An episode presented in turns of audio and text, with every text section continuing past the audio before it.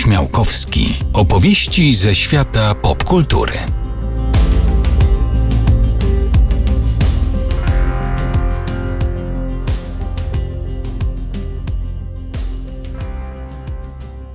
Dzień dobry, kłania się Kamil Śmiałkowski.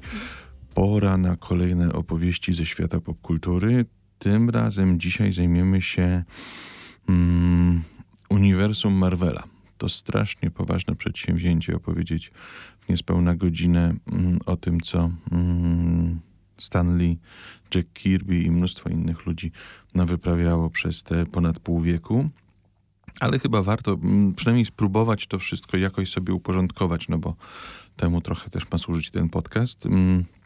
Marvel, w przeciwieństwie do Gwiezdnych Wojen z pierwszego odcinka, które zaczęły się w kinie, w przeciwieństwie do Star Treka, który zaczął się w telewizji, Marvel zaczął się w komiksach. Mm, wydawnictwo Marvel to. Yy, to długa i skomplikowana historia jest, mówiąc najprościej. Mm, to największe wydawnictwo komiksowe na świecie i równocześnie też największe uniwersum komiksowe na świecie, ponieważ mm, wydawnictwo Marvel wymyśliło sobie to tak, że te wszystkie komiksy, te wszystkie postacie, ci wszyscy superbohaterowie jakoś ze sobą mm, współpracują, jakoś ze sobą koegzystują, istnieją w jednym świecie, ewentualnie w jednym jak to powiedzieć, multiversum, czyli takim multiświecie, którym e, wiele normalnych światów, trochę innych za każdym razem istnieje obok siebie i czasami niektórzy superbohaterowie, niektóre postacie potrafią pomiędzy tymi światami przechodzić e, i, i odwiedzać się nawzajem. To troszeczkę skomplikowane, ale zaraz to wszystko wyjaśnię. Marvel... Mm, też należy, co najważniejsze, odróżniać od DC.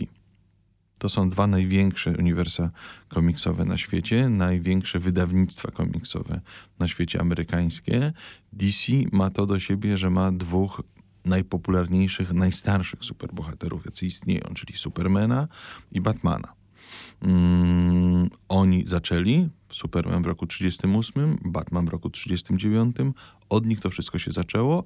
O Batmanie opowiem w jednym z kolejnych odcinków, no bo też tak naprawdę, jeśli by się dobrze zastanowić, to e, uniwersum komiksowe to strasznie poważne przedsięwzięcie, strasznie mm, wielki temat, jak na odcinek, więc może z czasem, kiedy już trochę uporządkujemy sobie te największe uniwersa, będę też wracał do Marvela, opowiadając o jakimś konkretnym bohaterze i tym wszystkim, co jego spotkało w najróżniejszych popkulturowych przejawach, bo spokojnie na taki samodzielny odcinek zasłużył czy Spider-Man, czy X-Meni, czy, mm, czy Kapitan Ameryka, ale może to kiedyś. Na razie spróbujmy podsumować cały Marvel jako taki.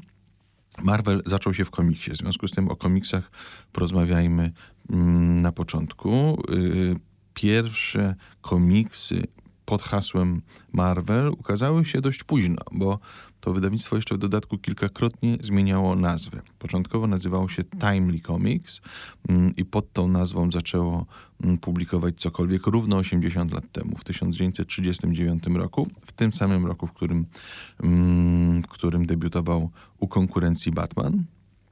Potem e, Potem zmieniło nazwę na Magazine Management, potem zmieniło nazwę wreszcie na Marvel Comics i, i pod tą nazwą funkcjonuje do dziś.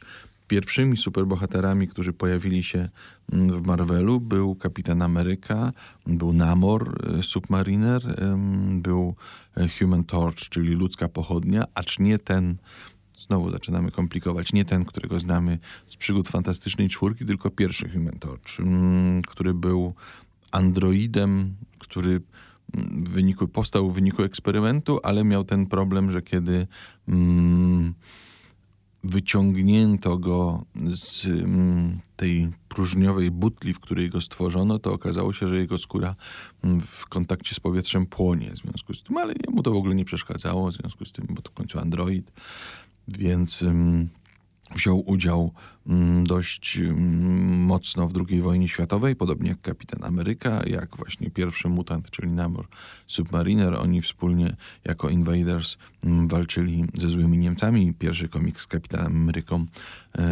ma na, ma na okładce, ten z, z 40 roku, ma na okładce właśnie kapitana, który tak spiął chywali Adolfa Hitlera i w zasadzie o to chodziło w tamtych czasach, żeby mm, patriotycznie, żeby do przodu, żeby mm, wspomóc przynajmniej w formie komiksowym, komiksowej mm, no może nie trud wojenny, ale przynajmniej nastroje wojenne.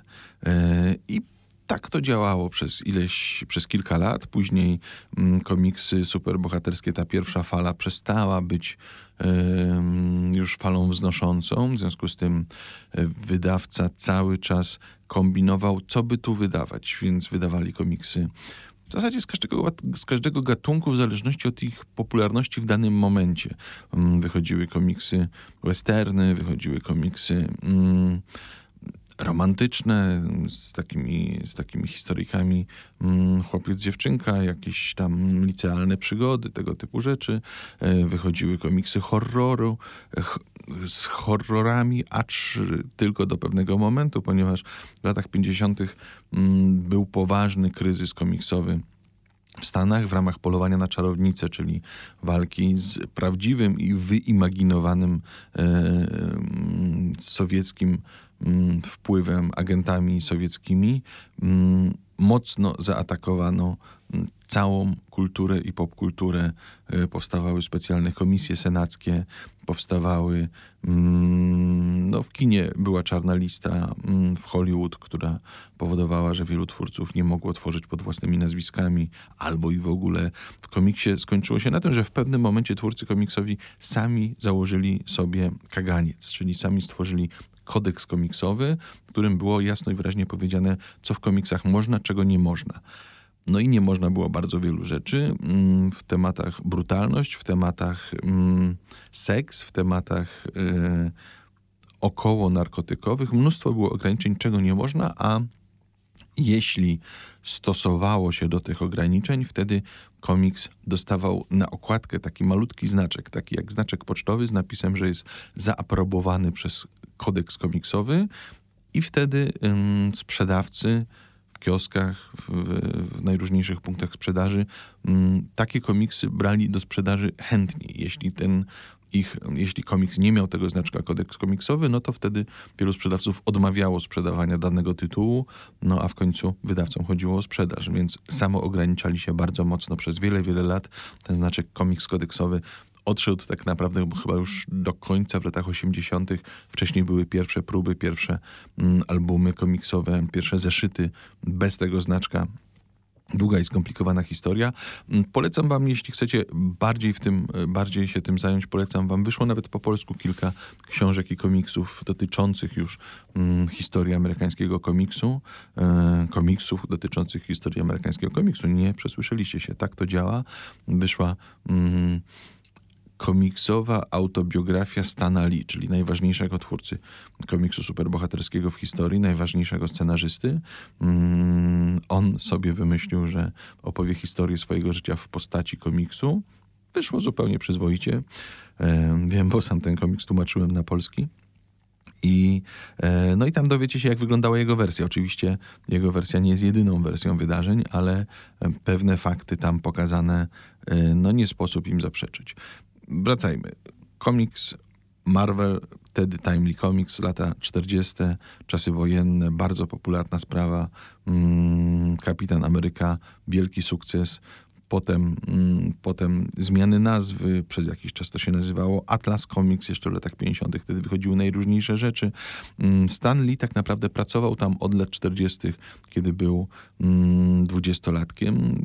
On tworzył te komiksy przez wiele, wiele dekad. Stanley niedawno zmarł i, i, i to był mm, i to była jedna z największych strat w historii komiksu amerykańskiego, ale naprawdę przez te, mm, przez te 90 ponad lat swojego życia dokonał bardzo wiele i on no, mówi się zjadł zęby na czymś. No on by, no nie wiem, czy te zęby pod koniec życia były autentyczne, ale faktycznie na tym komiksie zjadł zęby zaczynał od bycia um, gońcem w latach 40., kiedy wychodził Kapitan Ameryka, był młodym chłopaczkiem końcem, który e, pomagał tam segregować listy, biegał po kanapki, robił najróżniejsze rzeczy. Z czasem pozwolono mu pisać scenariusze, on się wdrażał. Przez dekady pisał absolutnie wszystko. Pisał absolutnie każdy możliwy gatunek, każdą możliwą rzecz, jaką tylko się dało. No i... Mm, no i w pewnym momencie w latach 60., czyli czasach, kiedy był już po 40, więc naprawdę nigdy nie jest za późno na odmianę w swoim życiu, stał się y, nagle bardzo popularnym scenarzystą komiksowym. Nagle jego pomysły wystrzeliły i wszystko po kolei, co wymyślał, okazało się wielkim sukcesem. Przepraszam, zaczęło się od Mm, zaczęło się od fantastycznej czwórki. Zaczęło się na samym początku lat 60., kiedy Stanley w zasadzie miał już dość. On to opisuje jako e, i inni też opisują to jako taki moment przełomu, kiedy on już chciał chyba odejść w ogóle po, po, po dekadach pracy w tej branży. Już miał dosyć, już e, poproszono go, jego wydawca, jego właściciel wydawnictwa, poprosił go jeszcze o jeszcze jeden pomysł, jeszcze jeden tytuł. Mm, może tym razem trochę wróćmy do tych superbohaterów, bo widział, że, mm, Marvel, że u konkurencji w DC mm, ci superbohaterowie wciąż się świetnie sprzedają i wtedy w DC pojawił się pomysł, żeby wziąć tych kilku superbohaterów najpopularniejszych i połączyć ich w zespół. Więc może komiks z zespołem superbohaterów się sprzeda, stwierdził wydawca, mm, właściciel Marvela, który nie miał najmniejszych oporów przez te dekady, żeby po prostu rżnąć pomysły od konkurencji. Skoro tam się to sprzedaje, zróbmy to samo. Znamy to przecież również z polskiego rynku. No i Stan Lee stwierdził, że w takim razie on zrobi komiks z superbohaterami, ale po swojemu. Zrobi taki komiks, jaki zawsze miał ochotę, to będzie jego łabędzi śpiew w tym wydawnictwie. Jeśli wyjdzie, super. Jeśli nie wyjdzie, i tak miał odejść. I tak, powstała pier- tak, tak powstał pierwszy zeszyt Fantastycznej Czwórki. Komiks, który wtedy, w 1961 roku, no, odmienił myślenie o komiksach. Okazało się, że... E, to, co przez dekady wcześniej, od lat 30., od powstania Supermana i Batmana, świetnie funkcjonowało, czyli przygody superbohatera, który yy, no po prostu, kiedy trzeba, w tej pelerynie przybywa i robi porządek, to wszystko działało. Ale teraz, w latach 60., yy, mm, już świat się trochę zmienił. Tamta wersja, tamta forma przygód superbohaterskich trochę się zużyła i dzisiaj chcemy zobaczyć w superbohaterze człowieka dziś, wtedy, 50 lat temu. Czyli mm, mamy z jednej strony przygody superbohaterów, którzy walczą z superzłoczyńcami, a z drugiej strony widzimy w tych superbohaterach normalnych ludzi. W wypadku Fantastycznej Czwórki była to po prostu rodzina. Była to po prostu opowieść o rodzinie troszkę dysfunkcyjnej, troszkę mm, dziwnej, no bo tak, mamy tutaj rodzeństwo, czyli Sue, i, mm, Sue Storm i, e, i jej młodszy brat Johnny Storm, czyli e, niewidzialna kobieta i, i, i, i nowy człowiek pochodnia, nowy Human Torch. Jest Mr. Fantastic, lider całej grupy. Za chwilę, teraz chłopak, a za chwilę mąż e, Sue. E, I jest Ben Grimm, czyli... Mm, ich przyjaciel domu, przyjaciel rodziny, od samego dzieciństwa przyjaciel Reda Richardsa, czyli pana Mister Fantastika.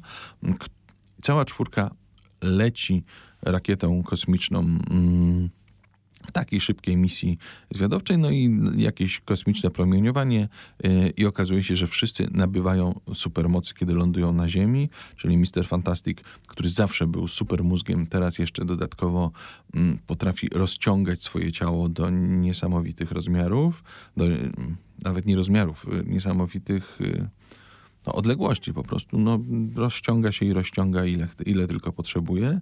Jest elastyczny. niewidzialna kobieta, jak sama nazwa wskazuje, potrafi stawać się niewidzialna i, wytworza, i wytwarzać takie, takie pole siłowe, które zatrzymuje niemalże wszystko. no, Human Torch ludzka pochodnia, potrafi płonąć, potrafi latać i potrafi z ogniem robić rzeczy niesamowite. No i wreszcie mm, Ben, e, który zamienił się w Tinga. Tu jest historia najbardziej dramatyczna, ponieważ on nie potrafi wracać do swojej normalnej ludzkiej formy, tylko na stałe zmienił się w Thing, w stwora, e, czyli w takiego wielkiego, kamiennego, e, niemalże dwumetrowego potwora, człekokształtnego, ale, ale jednak wyglądającego jak sterta kamieni po prostu, no i oczywiście bardzo silnego. I taka czwórka mm, bohaterów z jednej strony, kiedy trzeba, jednoczy się i walczy ze złymi, z drugiej strony na co dzień ma normalne kłopoty, czyli Ben, ym, ben cały czas ym, chciałby być z powrotem człowiekiem, wraca jakoś, mm, wrócić do społeczeństwa, mu się to nie udaje. E, Johnny Storm jest młodym chłopakiem, który cały czas mm, żartuje z Bena i robi mu różne kawały, a równocześnie jest młodszym bratem Sue, więc y, bardzo dobrze pokazana jest tutaj... Mm, dychotomia, związek mm, starszy, starsza siostra, młodszy brat, równocześnie e, ci randkują, z czasem są małżeństwem, z czasem w, w kolejnych latach, w kolejnych historiach e, no, pojawiają się dzieci, więc mm, Johnny Storm i Ben stają się takimi wujkami, wszystko. No, mamy tutaj normalną opowieść o rodzinie, a równocześnie komiks superbohaterski. I ten patent, który błyskawicznie zdobył wielką popularność, ten patent Stanley wykorzystał jeszcze w wielu kolejnych e, swoich tytułach. Mm, oczywiście nie zapominajmy też o, mm, o rysownikach. Jako człowiek, który bardziej zdecydowanie zajmuje się fabułkami. Bliżsi są mi scenarzyści, ale rysownicy są równie istotni. Jack Kirby, y, który narysował fantastyczną czwórkę, to człowiek, który 20 lat wcześniej rysował Kapitana Amerykę. To, to jedna z największych legend komiksów w historii. Mm, twórca świetnych, absolutnie mistrzowskich opowieści, mm, których rysował dziesiątki i on wspólnie ze Stanem Lee stworzył wiele postaci tego, tego Marvela z lat 60., no bo po, fantas po fantastycznej czwórce pojawił się Hulk, pojawił się Thor, pojawił się, um, pojawili się X-Men, pojawił się Daredevil, Czarna Pantera, Doctor Strange, no i oczywiście pojawił się Spider-Man. Spider-Man, który stał się błyskawicznie jednym z najpopularniejszych superbohaterów. Tutaj patent był jeszcze prostszy, bo mamy superbohatera, który jest równocześnie nastolatkiem. Jest chłopaczkiem, który chodzi do szkoły, niespecjalnie tam popularnym, podwójna e, tożsamość. Niby patent taki sam jak u Supermana, ale u Supermana mieliśmy poważnego dziennikarza, który kiedy trzeba, Clarka Kenta, który kiedy trzeba wkłada błyskawicznie kostium i jest, y, jest nad człowiekiem.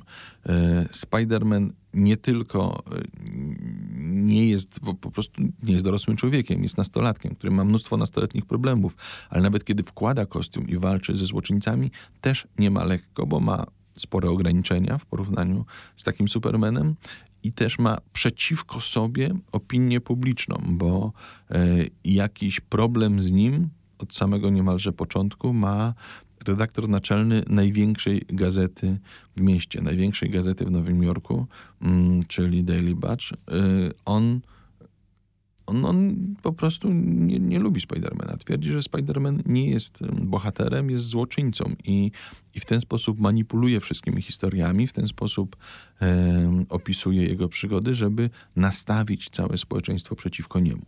Czyli Spiderman nie ma lekko i Spiderman to był zupełnie inny, nowy pomysł, i postać, z którym błyskawicznie, z którą błyskawicznie zaczęły utożsamiać się miliony nastolatków ówczesnych w latach 60. i no i chyba trwa to do dziś, bo dzisiaj chociażby w dniu, w którym nagrywam, pojawia się w kinach e, nowa opowieść o Spider-Manie, no i już jest wielkim hitem na całym świecie i myślę, że w Polsce również wielu mm, i nastolatków, i starszych panów, takich jak ja, z radością na ten film pójdzie.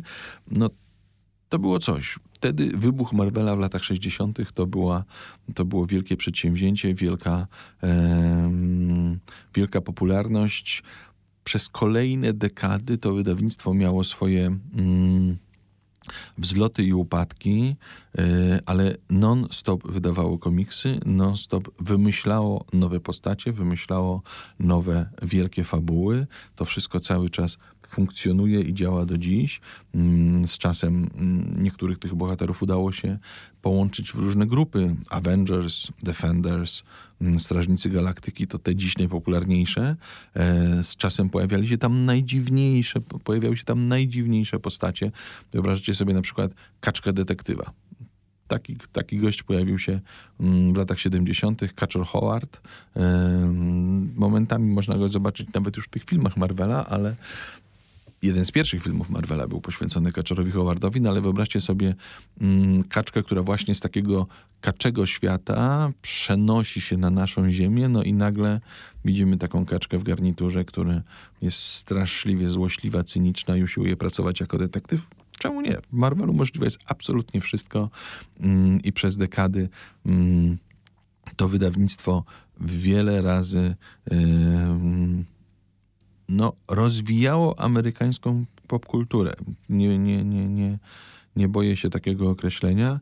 Dzisiaj e, Marvel wciąż istnieje. Dzisiaj komiks um, oczywiście jest już inny niż ten w latach 40., niż ten w latach 60., inny nawet niż ten w latach 90., bo wtedy komiks um, osiągał absolutnie rekordowe, milionowe sprzedaże zeszytów. E, dzisiaj już setki tysięcy są wielkim sukcesem. E, dzisiaj e, wydawcy, szefowie Marvela, Marvela, który też niedawno sprzedał się Disneyowi. Pamiętacie, jeśli słuchaliście pierwszego odcinka, opowiadałem o tym, jak George Lucas sprzedał Lucasfilm Disneyowi, tak samo Marvel sprzedał się Disneyowi. Dzisiaj Disney jest wielką firmą, która, no, której nie sposób z nikim mm, chyba porównać w zasięgu, w możliwościach, e, w tym, co się w popkulturze dzieje. Więc dzisiaj e, Marvel jest częścią Disneya, ale równocześnie jest samodzielnym mm, wydawnictwem, które wciąż wydaje komiksy, ale oczywiście znacznie większe zyski czerpie chociażby z ekranizacji tych komiksów. Dzisiaj świat się zmienił. Dzisiaj komiksy kupuje już rzadko który nastolatek. Dzisiaj mm, komiksy to domena właśnie takich panów jak ja, e, oczywiście pań też nie dyskryminujemy, którzy na komiksach gdzieś tam wychowali się w latach 70., 80. Mm, i teraz też jeszcze te komiksy kupują, ale dzisiejsi współcześni nastolatkowie chętnie pójdą do kina, bo oni absolutnie wiedzą, kim jest, bo nie sposób żyć we współczesnym świecie i nie wiedzieć, kim jest Spider-Man czy, e, czy X-Meni, ale te zeszyty komiksowe kupują już rzadziej. W Polsce również te zeszyty komiksowe kupuje się już rzadziej, bo też bo w zasadzie nie, nie, nie pojawiają się. W Polsce bohaterowie Marvela, o których opowiadałem, pojawili się, e, komiksy z ich przygodami pojawiły się no, wtedy, kiedy zaczął się w Polsce normalny świat, czyli w roku 1990. Do dziś pamiętam czerwiec 90. E, przyjeżdżam na egzaminy na studia do Krakowa i wysiadam z pociągu i widzę nagle w kiosku, że pojawił się w Polsce e, Spider-Man i Punisher. To były pierwsze dwa tytuły, jakie, mm, jakie wtedy się pojawiły. Tłumaczenie jeszcze nieudolne, jeszcze nie do końca wiedzieli, jak sobie z tym poradzić. Czasopismo, mm, ta gazeta, która mm, jest no, jednym z bohaterów tak naprawdę opowieści o Spider-Manach, czyli Daily Bugle, czyli ta gazeta, która właśnie e, jej naczelny walczy ze Spider-Manem. Ona pojawiła się już w pierwszym zeszycie Spider-Mana po polsku mm, i tłumacze mm, nie do końca wiedzieli, jak sobie z tym poradzić, że to się wszystko dzieje w takim mm, no, alternatywnym Nowym Jorku, bo tam się dzieje większość komiksów Marvela, no takim alternatywnym w porównaniu z naszym, no bo wygląda zupełnie tak samo, tyle że po nim biegają i latają ci superbohaterowie, ale chcieli jakoś przybliżyć polskiemu odbiorcy yy, tą całą opowieść, tą całą rzeczywistość, więc w nagłówkach tej gazety zmienili miejsce jej wychodzenia z Nowego Jorku na Kraków że niby to wszystko dzieje się w Krakowie. To bardzo zabawne. Kilka miesięcy trwało, zanim w Polsce za komiksy z, z Ameryki, te superbohaterskie, wzięli się no, zawodowcy, wzięli się e, redaktorzy, tłumacze, mm, wydawcy, którzy wiedzieli o, co, wiedzieli o co chodzi w tym wszystkim, wiedzieli w jakiej kolejności, jak tłumaczyć, jak redagować, jak to wszystko powinno działać i robili to przez dekadę mniej więcej. Przez blisko 10 lat wychodziły i komiksy Marvela, i komiksy DC. Mm, Spider-Man był najdłużej wydawaną wtedy serią. E, no ale to wszystko skończyło się gdzieś na początku lat 2000. Potem parę razy jeszcze próbowano wracać do kiosków, ale to nie miało większego sensu. Dzisiaj komiksy Marvela w Polsce wychodzą od razu e, w tradeach. Tak się mówi. Chodzi o trade paperback, czyli takie wydanie, w którym e, jest przynajmniej 4, 5, 6, 8 zeszytów. Mm, w Stanach wciąż te historie wychodzą najpierw w zeszytach, później zbierane są w takie tomy. U nas od razu wychodzą te grubsze tomy. E, dostępne są w księgarniach, w empikach, już nie w kioskach. Mm, I i możemy być niemalże na bieżąco z tym, co, mm, co, co amerykańscy twórcy Marvela dla nas szykują. Oni w ogóle u nas bywają. Mm, przecież dwa lata temu był na mm, tym największym festiwalu komiksowym w Łodzi Jim Lee, czyli jeden z najlepszych rysowników w historii amerykańskiego komiksu, aktualnie pracujący w DC Comics, ale czyli w konkurencji, ale również mający świetną historię swoją marvelowską. Kilka lat wcześniej był wówczas człowiek od szukania talentów o sympatycznie polsko brzmiącym nazwisku Cebulski, CG Cebulski, był również na tym festiwalu w Łodzi. Dziś y, CB Cebulski jest redaktorem naczelnym całego Marvela, czyli głównym szefem od komiksów, od tego, co tam się mm, wydaje, więc cały czas te komiksy wychodzą, cały czas ci superbohaterowie mm, przeżywają kolejne przygody, schodzą się, rozchodzą, umierają, wracają do życia, bo jakoś w komiksach strasznie trudno jest umrzeć co chwila. Nawet jeśli tam Kapitan Ameryka ginie, to potem się okazuje, że jakoś da się go mm, przywrócić do życia. Ale to nie tylko u tych, u konkurencji jest dokładnie to samo. E, no i te komiksy, mm, te komiksy wciąż sobie świetnie radzą, ale skoro y, trafiły do y, tegoż podcastu, czyli opowieści ze świata popkultury, to znaczy, że mm, no, że radzą sobie nie tylko w komiksach, że rozwinęły się, poszerzyły swoje, e, swoje świa- poszerzy, poszerzyły swoje zasięgi dzięki dotarciom do innych mediów.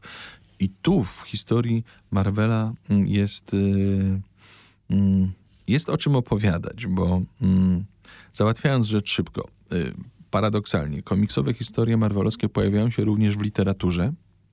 E, bo zarówno trafiają do niej, niedawno wyszły w Polsce pierwsze dwa e, tomy beletryzacji komiksów, czyli bierzemy jakiś komiks i przerabiamy go na powieść. Mm, w ten sposób e, niedawno w Polsce wydano Civil War i mm, Dark Phoenix Saga, czyli dwie słynne historie, Wojna domowa i saga o Mrocznej Phoenix, Phoenix z historii Marvela, w wersji, teraz mamy to w wersji powieściowej, pojawiają się również pojawia się również proza będąca takim no, poszerzeniem, dodaniem, e, kiedy bierzemy jakiegoś bohatera komiksowego i po prostu opowiadamy o nim w formie prozy y, jakąś historię, a nie w formie komiksu. W Polsce pojawiła się tak na przykład jedna powieść o Czarnej Wdowie, y, ale to margines. Tak naprawdę tym się nie przejmujmy.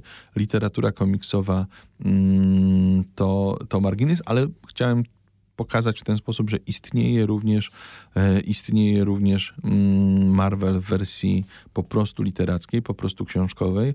Oczywiście istnieje i to wielkie, wielkie zagłębie Marvela w wersji growej, mm, najróżniejszej. Powstały gry karciane, powstały gry mm, fabularne, RPG, no i oczywiście powstały mm, tony wręcz y, gier komputerowych, e, konsolowych i tak dalej z bohaterami Marvela. Tu, tu dzieje się cały czas. Ostatnio bardzo popularna jest e, i bardzo chwalona gra ze Spider-Manem, którą polecam. Co, niemalże co roku ukazuje się coś następnego, e, ale co, co najważniejsze i o czym, na czym chciałem się skupić w drugiej części dzisiejszego odcinka, to to, co z Marvelem dzieje się na ekranie bo dzieje się naprawdę dużo, bo, mm, bo dzieje się też dość skomplikowany sposób to, co, to, co się dzieje, ponieważ Marvel przez dekady jako komiksy wychodził bez najmniejszego problemu, ale przeszedł wiele ewolucji własnościowych. To znaczy od czasu, kiedy był własnością wujka e, Stana Lee, e, zmieniło się mnóstwo. Jego właściciele zmieniali się wielokrotnie. Wielokrotnie, kilka razy z, przechodził poważne kryzysy. Niemalże, niemalże rozpadał się, wpadał w stan no, upadku. Był, był wykup, wy, wykupywany, był licytowany, był, y, przechodził przez y, jakieś zajęcia najróżniejsze i tak dalej. Y, nie było łatwo i czasami, mm, żeby sobie ułatwić życie, żeby sobie zdobyć jakiekolwiek pieniądze na cokolwiek, to mm, szafowano za bardzo tanie kwoty prawami do mm, ekranizacji postaci marvelowskich. Dzisiaj trudno sobie to wyobrazić, widząc jak, e, jak wie, wielosetmilionowe są budżety tych ekranizacji, jak wielkie to są mm, wydarzenia, jak wielkie to są pieniądze, a kiedyś to była kwestia e, tysięcy dolarów za, za, za nabycie prawa do jakiejś e, postaci, żeby w ciągu kilku lat nakręcić sobie o niej film. I przez to e, i przez to do dziś są pewne kłopoty, problemy z prawami do marvelowskich postaci, mm, do tego, co można, co nie można, e, co może. Od, oczywiście od lat już wielu Marvel skupuje z powrotem te prawa, czeka aż wygasną, czeka aż. Yy, ten, kto ma je w posiadaniu, je albo odda, albo od, odsprzeda, albo straci w różne inne sposoby, ale przez lata te filmy marvelowskie powstawały w wielu różnych, w wielu różnych wytwórniach. To nie było tak, że Marvel sam od początku do końca panował nad tym wszystkim, co się dzieje i to, co dzisiaj oglądamy jako Marvel Cinematic Universe, czyli no, rewelacyjną serię filmów, które e, świetnie sobie radzą i które pokazują, pokazują, jak można przeplatać gatunki, m, tematy, postacie filmowe, jak mogą z sobą nawzajem współpracować, by osiągać coraz lepsze wyniki. Dawniej było zupełnie inaczej, ale spróbujmy to jakoś uporządkować. Pierwszy film, pierwszy film marvelowski mm, to był Kapitan Ameryka w 1944 roku, czyli ledwie powstał mm, jako postać, mm, podobnie jak, e, podobnie jak było z Batmanami, o czym opowiem za kilka tygodni. E, w 1944 roku powstał 15-odcinkowy e, serial filmowy, serial kinowy. Wtedy takie 10-minutowe odcinki puszczano w kinach mm, co tydzień nowy i, i w ten sposób powstawał e, długi film. Na kolejny film e, z bohaterem Marvela trzeba było zaczekać lat, aż do lat 80., e, a wcześniej w międzyczasie działo się dużo. Mm, działo się dużo w telewizji, bo, bo rzeczy animowanych powstawało dużo i rzeczy, i seriali takich fabularnych również sporo. Yy, animowane yy, seriale, yy, no w zasadzie to były ich dziesiątki. Były seriale z Fantastyczną Czwórką, były seriale ze Spider-Manem, były seriale z Avengers, z X-Menami. No, mm, przez dekady strasznie duża ilość tych seriali powstała. Pamiętam, to było chyba pierwsze moje spotkanie z Marvelem w życiu, kiedy e, gdzieś w latach 70.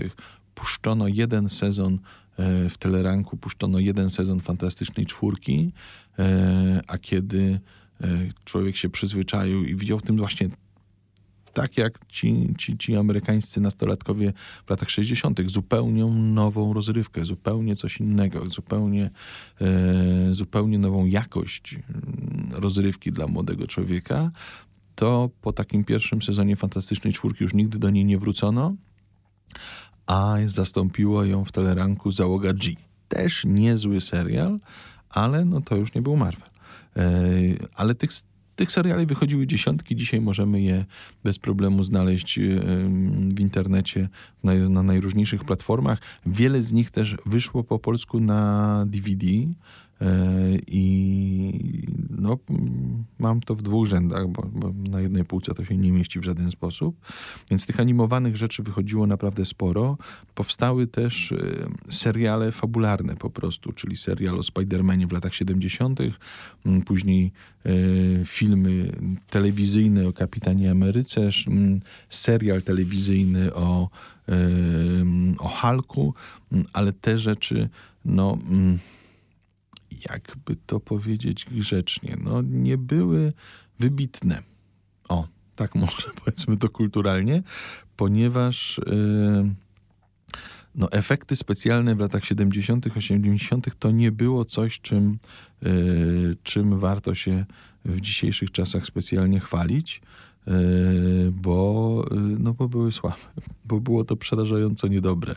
Mm, sposób, w jaki pokazywano chodzenie Spidermana po ścianach, czy, czy jego szósty zmysł, czy mm, przemianę Hulka. Mm, Hulk to taki komiksowy Dr. Jekyll i Mr. Hyde. Kojarzycie go z pewnością jako wielkiego zielonego potwora, ale on często też po prostu istnieje jako normalny człowiek, który się przekształca w tego potwora. No i teraz, żeby to pokazać, zatrudniono os dwóch osobnych aktorów. Zatrudniono mm, wielkiego kulturystę mm, Luferino, który zastępował aktora Billa Bixby'ego, kiedy następowała przemiana w Halka.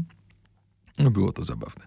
E, więc telewizja wtedy, te początki telewizyjne Marvela, no nie, nie zachwycały. Rzadko który z tych seriali utrzymywał się długo, rzadko który z tych seriali dorównywał wtedy popularnością komiksów, e, komiksom. Mm, na, na porządne komiksowe ekranizacje musieliśmy poczekać aż do XXI wieku, a w międzyczasie trochę tych filmów powstało, bo e, zaczęło się w latach 80., kiedy George Lucas, tenże sam George Lucas, zachwycił się właśnie postacią Kaczora Howarda o którym mówiłem przed chwilą, czyli takiej złośliwej, cynicznej kaczki detektywa mm, i nakręcił w 1986 roku film e, Kaczor Howard. On go nie reżyserował, on go produkował tylko, e, ale mm, no, to było pod, pod marką Lucasfilmu i to była pierwsza wielka e, klęska Lucasfilmu, ponieważ ten film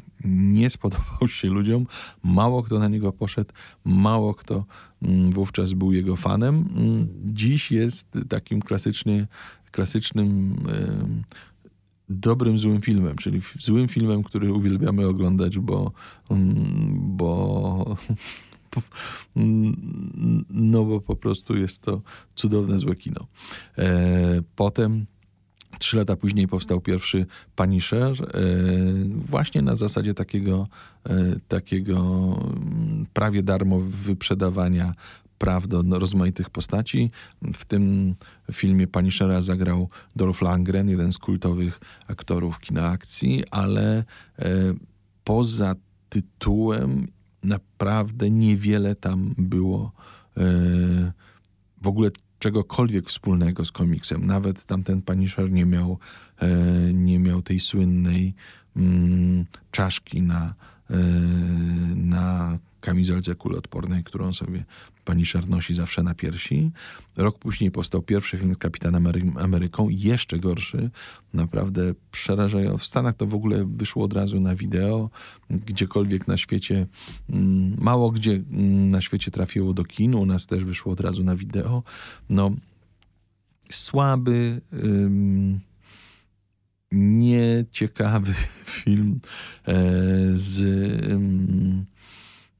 Nie, nie, nie, nie będę go opowiadał, bo to naprawdę, bo to naprawdę kuriozum.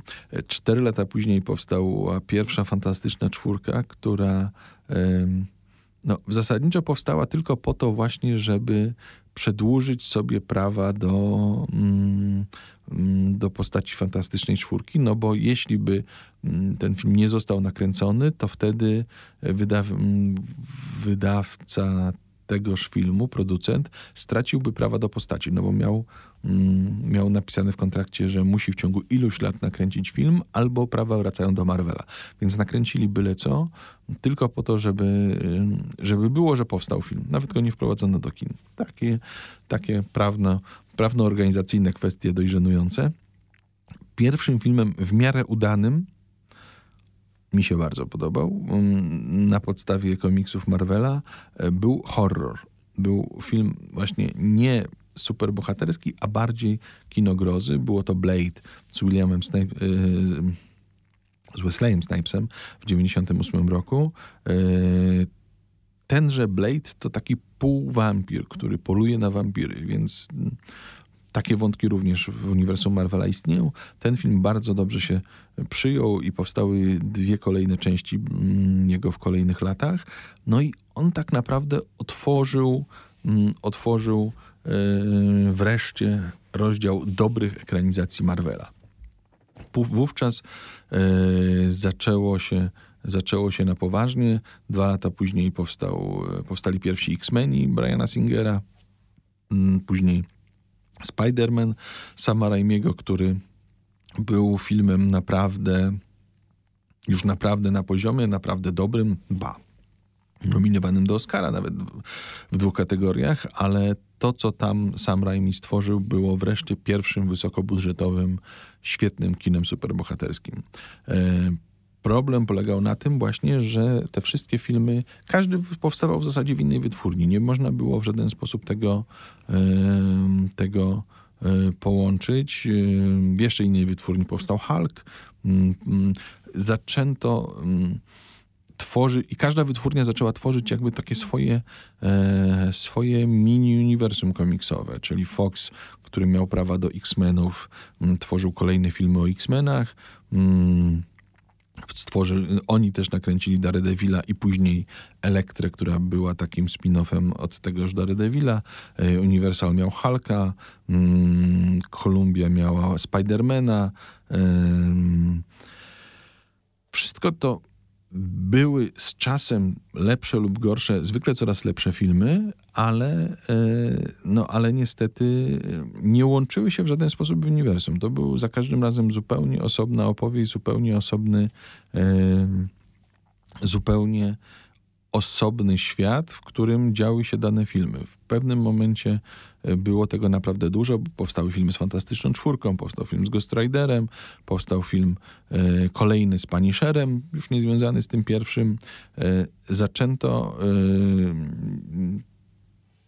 te dobre e, dostawały kontynuację, bo powstał drugi film z X-Menami, potem trzeci film z X-Menami, tak samo Spider miał drugą i trzecią część, Fantastyczna Czwórka miała swój sequel, e, Ghost Rider miał swój sequel, em, Hulk nie okazał się na tyle dobry, żeby mieć, bo to był film Angali, to szybka anegdota na boku, ten film był tak komiksowy, że aż trudny do oglądania, ponieważ Ang Lee jest genialnym reżyserem, który wchodzi w każdy gatunek z butami i, i każdy w zasadzie jego film jest y, no, potężnym wydarzeniem. Duma i Uprzedzenie była y, jednym z najlepszych ekranizacji literatury mm, Jane Austen.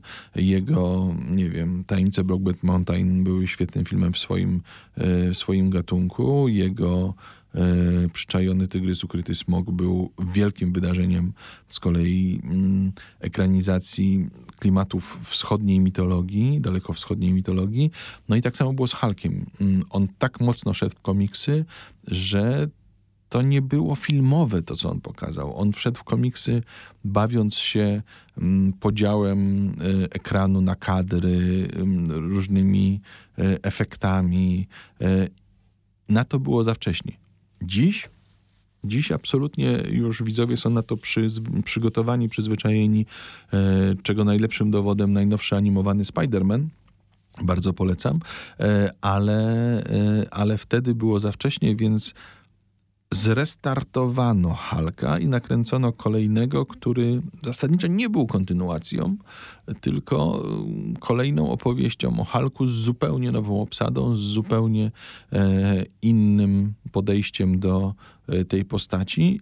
I ten nowy Hulk e, I ten nowy Hulk już zaczął stanowić podwaliny tego, co dzisiaj znamy jako Marvel Cinematic Universe, czyli mm, był filmem Universalu, ale równocześnie już był autoryzowany przez Marvel. Mm, za, zaczęło się wtedy mm, Wtedy w 2008, czyli ponad dekadę temu, zaczął, zaczął się tworzyć, właśnie zaczęło się tworzyć to wspólne jedno wielkie uniwersum. E, ale podsumujmy sobie to, jak wtedy wyglądała rzeczywistość. Z jednej strony mieliśmy Spider-Man. Świetna trylogia Sama Raimiego. Spider-Man, Spider-Man 2, Spider-Man 3. Łatwe do policzenia. E, wytwórnia Columbia i coś niezwiązanego zupełnie y, z innymi, y, z innymi filmami, y, ponieważ po tej trylogii uznano, że tą historię w zasadzie mamy już z głowy. Zaczęto, oni zaczęli kręcić Spidermany od nowa i nakręcili kolejne dwa Spidermany, już z nową obsadą, jak gdyby od nowa opowiadając tą historię. Co się też w komiksach wiele razy zdarza, że czasami mm, pewne historie opowiadane są od nowa albo Mm, zastępując poprzednie wersje albo w jakimś bocznym, alternatywnym świecie w stosunku do tego wielkiego uniwersum Marvela, w którym ci wszyscy bohaterowie razem żyją. E, przez wiele lat istniało, istniał tak zwany Marvel Ultimate, czyli wymyślono mniej więcej w 2000 roku nowo, nowy świat, nową rzeczywistość, w której od nowa opowiadano przygody Spidermana, X-Menów i tak dalej tak, żeby ich początki już były w XXI wieku, już były bardziej przyjazne młodemu odbiorcy, temu, temu już y, no, z tego milenium. Więc y, dwa światy istniały równolegle obok siebie i tak samo często występują, występuje w komik, y, w filmach. Mieliśmy trylogię Spidermana z Tobem Maguirem, a potem drugą e, z Garfieldem w dwóch częściach już zamkniętą Amazing Spider-Man z 2012 roku i, i dwa lata późniejszy, mm, dwa lata młodszą jego kontynuacją, więc mamy Spidermana w jednym e, w jednej wytwórni. W drugiej wytwórni mamy mm, wszystko, co związane jest z X-Menami. Oni posiadali jeszcze Daredevila, mm, Fox posiadał jeszcze Daredevila, Fox posiadał jeszcze Fantastyczną Czwórkę, ale tam im nie szło. Tam po dwóch filmach zrezygnowali mm, z tych franczyz, a X-Meny szły im świetnie i, e, i X-Menów trzymali się przez wiele lat. Mm, historia zakończyła się właśnie e, w ciągu ostatniego roku, kiedy Foxa również kupił Marvel. Znaczy, przepraszam, Foxa również kupił Disney, wróć. Foxa kupił Disney, czyli Disney jest własnością, e, jest właścicielem i Marvela, i Foxa, który posiada prawa do niektórych postaci, w związku z tym może bez problemu przerzucić je i teraz już niemalże wszystkie prawa są, są z powrotem w Marvelu, ale przez lata od 2000 roku, od nakręcenia filmu X-Men, przez lata e, Fox miał prawa do wszystkiego związanego z marvelowskimi mutantami, czyli grupą superbohaterów, gdzie każdy ma inne moce mm, wynikające z mutacji. Powstała najpierw trylogia mm, o X-Menach, później powstała, e, później cofnięto się do początków, e, żeby opowiedzieć o początkach ich losów, nakręcono film X-Men pierwsza klasa, e, potem połączono go pomocy mm, kolejnego filmu. Ja wiem, że to skomplikowane. X-Men mm, Days of Future Past połączono go z, z tymi wcześniejszymi filmami i potem nakręcono jeszcze dwa X-Men, y, jeszcze dwie kolejne części, czyli w sumie filmów z X-Menami powstało siedem. Najpopularniejszy bohater z X-Menów, czyli Wolverine, grany za każdym razem we wszystkich tych filmach przez Hugh Jackmana, ma jeszcze trzy osobne filmy o swoich przygodach. I jeszcze do tego wszystkiego należy też postać najbardziej mm, w Marvelu prześmiewcza, ironiczna i łamiąca czwartą ścianę, czyli zdająca sobie sprawę z tego, że jest bohaterem komiksu czy bohaterem filmu, mm, tak jak teraz e, to się dzieje, czyli Deadpool. Deadpool, no, mm, taka, taka absolutnie ironiczna, mm, złośliwa nakładka na Marvela. E, I Deadpool to jeszcze kolejne dwa filmy. Czyli w sumie Fox nakręcił w tym X-Menowym świadku, yy, powtarzam, siedem filmów z X-Menami, trzy filmy z Wolferainem i dwa filmy z Deadpoolem. One wszystkie na najróżniejszych poziomach się ze sobą łączą, lepiej lub gorzej. Mm, najgorzej yy, z nich wypada tegoroczny film, który właśnie wychodzi z polskich kin, X-Men Dark Phoenix. To naprawdę słabe kino. Te wcześniejsze są znacznie, znacznie lepsze i Mm, I ten ostatni, no, jest już prawie ostatni, bo wiadomo, że nakręcono jeszcze jeden y, New Mutants, który czeka na premierę od y, miesięcy i, i ponoć w przyszłym roku ma się jej doczekać, ale, y, ale to już wszystko, to już koniec, bo potem prawa do X-Menów, jak mówiłem, wróciły do, przez Disneya do Marvela. Mm, i jeśli powstaną kolejne filmy z X-Menami, na pewno powstaną, to już z czasem jako, e, jako, mm, no jako Marvel po prostu, jako to główne uniwersum, które zbiera pod siebie wszystkie możliwe prawa. Fox jeszcze zdążył nakręcić też kilka seriali telewizyjnych, które gdzieś tam łączą się z tymi mutantami.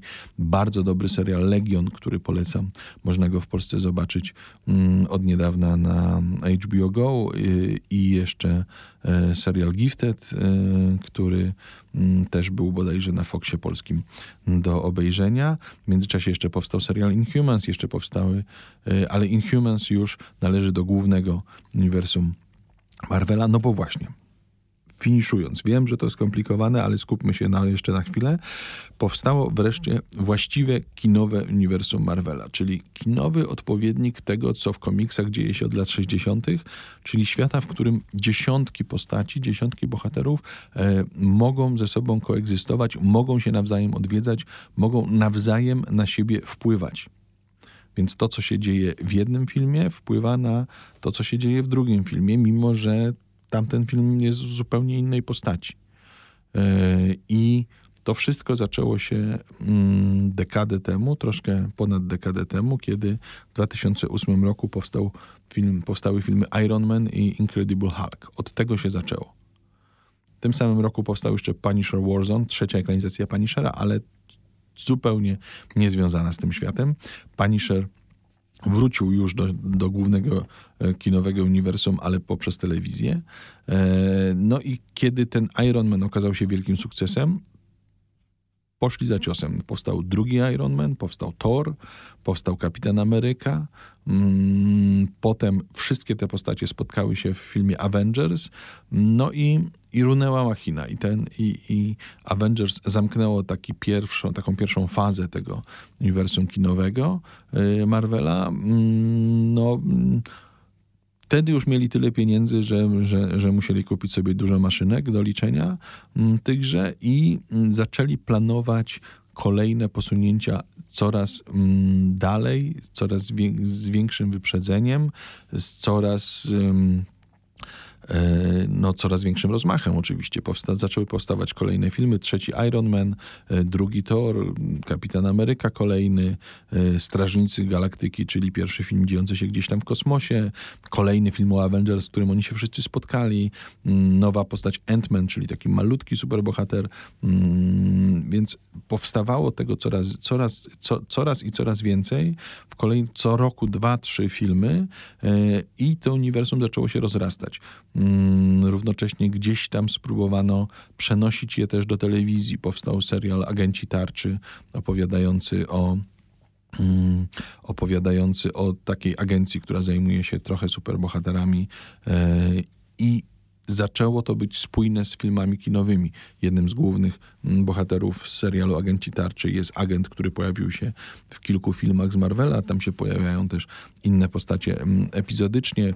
E, podpisano kontrakt z Netflixem na kolejnych kilka seriali, które e, sprowadziły całe to uniwersum na taki mm, inny poziom opowieści bardziej dojrzałych, bardziej poważnych, e, bardziej lokalnych, bo, bo te seriale Netflixa działy się w Nowym Jorku e, i opowiadały o takich superbohaterach no, z poziomu ulicy, czyli właśnie Daredevil, Jessica Jones, Luke Cage, e, Iron Fist, Punisher, który właśnie tu się pojawił, kiedy prawa wróciły do niego.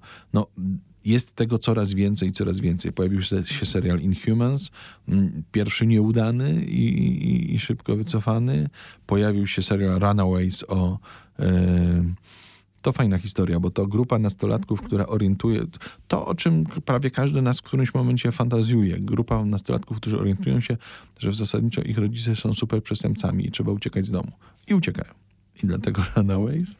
Mm, więc tych seriali pojawia się pojawia się coraz i coraz więcej. Clock and Dogger, następny serial, mm, następne filmy, mm, trzeci Kapitan Ameryka, Doctor Strange, Spider-Man, który jak mówiłem, było już dwóch Spider-Manów. Dwie, były już dwie serie ze Spider-Manami. Nagle pojawia się trzecia, która Kolumbia dogadała się z Marvelem i ym, powstaje film o Spider-Manie, który jest, z, działa w obie strony, to znaczy jest filmem Kolumbii, czyli Sony Pictures, a z drugiej strony jest częścią tego wielkiego uniwersum i postać Spidermana, ta nowa, ta jej wersja, ta trzecia, już jest kompatybilna, już pojawia się gościnnie w innych filmach, już jest częścią tego wielkiego świata. Pojawiają się kolejne postacie, Czarna Pantera, yy, gdzieś tam Kapitan Marvel ostatnio. No więc tych filmów już jest yy, blisko 20, już jest i to wszystko stanowi zwarty, zamknięty, no nie, znaczy zamknięty w sensie, w sensie spójny, ale otwarty, mm, bo za chwilę powstają kolejne, e, świat, uniwersum, coś, czego jeszcze nigdy w kinie nie było, bo nigdy nie powstawało mm, tyle filmów łączących się w jeden e, łączących się w jedno uniwersum. Filmów bardzo różnych gatunkowo, bo bo z jednej strony mamy, nie wiem, pierwszy tor w reżyserii Kenneta Branacha to niemal dramat szekspirowski, a, e, a taki Ant-Man to heist movie, a mm, Strażnicy Galaktyki to space opera i to jeszcze taka dość komediowa. Ka każdy z tych filmów ma swój charakter, każda z tych postaci mm, działa inaczej, a co jakiś czas spotykają się w jakiejś wielkiej mm, fabule, tak jak w ostatnich dwóch częściach Avengers, kiedy no, zadrżał w posadach, zadrżało w posadach całe uniwersum, kiedy musieli się wszyscy zmierzyć z Thanosem, gościem, który pstryknął palcami i zniknęło. Yy, ktoś może jeszcze nie oglądał to, to obejrzyjcie. Naprawdę warto. Te, te mm, blisko 20 filmów, no to mm, oczywiście jakieś dwie doby oglądania non-stop, ale można to sobie rozłożyć w czasie. Jeśli jeszcze dołożyć do tego te wszystkie seriale telewizyjne, które dzieją się w tym świecie, robi się już naprawdę grubo, więc im wcześniej zaczniecie nadrabiać, tym większe szanse, że że szybciej będziecie na bieżąco. E, no i te filmy e, zaczynają też być nie tylko wielkimi hitami, największymi hitami w historii kina, bo najnowszy Avengers Endgame walczy o walczy o pierwsze miejsce w historii kina box office'u w ogóle. Zmaga się z awatarem Jamesa Camerona i jeszcze nie rozstrzygnęło się, kto jest lepszy, ale taki zeszłoroczny film Czarna Pantera, on zdobył trzy Oscary. Nominacje do Oscarów w kategoriach technicznych zdarzają mi się oczywiście już, przepraszam, od dawna, ale tu już zdobył, tu już naprawdę wygrał trzy Oscary i no i pewnie będzie tego coraz więcej. I zarówno tych filmów, jak i, jak i, yy, jak i nagród, jak i tego wszystkiego. Czy w którymkolwiek momencie to się załamie i, i znikną filmy superbohaterskie? Wątpię. Mm, mam wrażenie, że komiks jest bardzo dobrą, bardzo dobrym źródłem dla kina i od przez tą falę komiksów superbohaterskich yy, twórcy kinowi szukają już w najróżniejszych komiksach, nie tylko w tych podstawowych, superbohaterskich historiach, co zresztą też spotyka mm, różne mniejsze, drobne, boczne komiksy z Marvela, bo nie wiem, czy wiecie, że na przykład Kick-Ass mm, jest y, właśnie mm, ekranizacją komiksu Marvela. Takiego na boku, o, opowieść o tym właśnie o chłopaczku, który chcie, chce być superbohaterem, ale maksymalnie wiarygodna i dziejąca się przynajmniej na początku w normalnym świecie Więc kiedy wychodzi w kostiumie na ulicę, no dostaje łomot i tyle.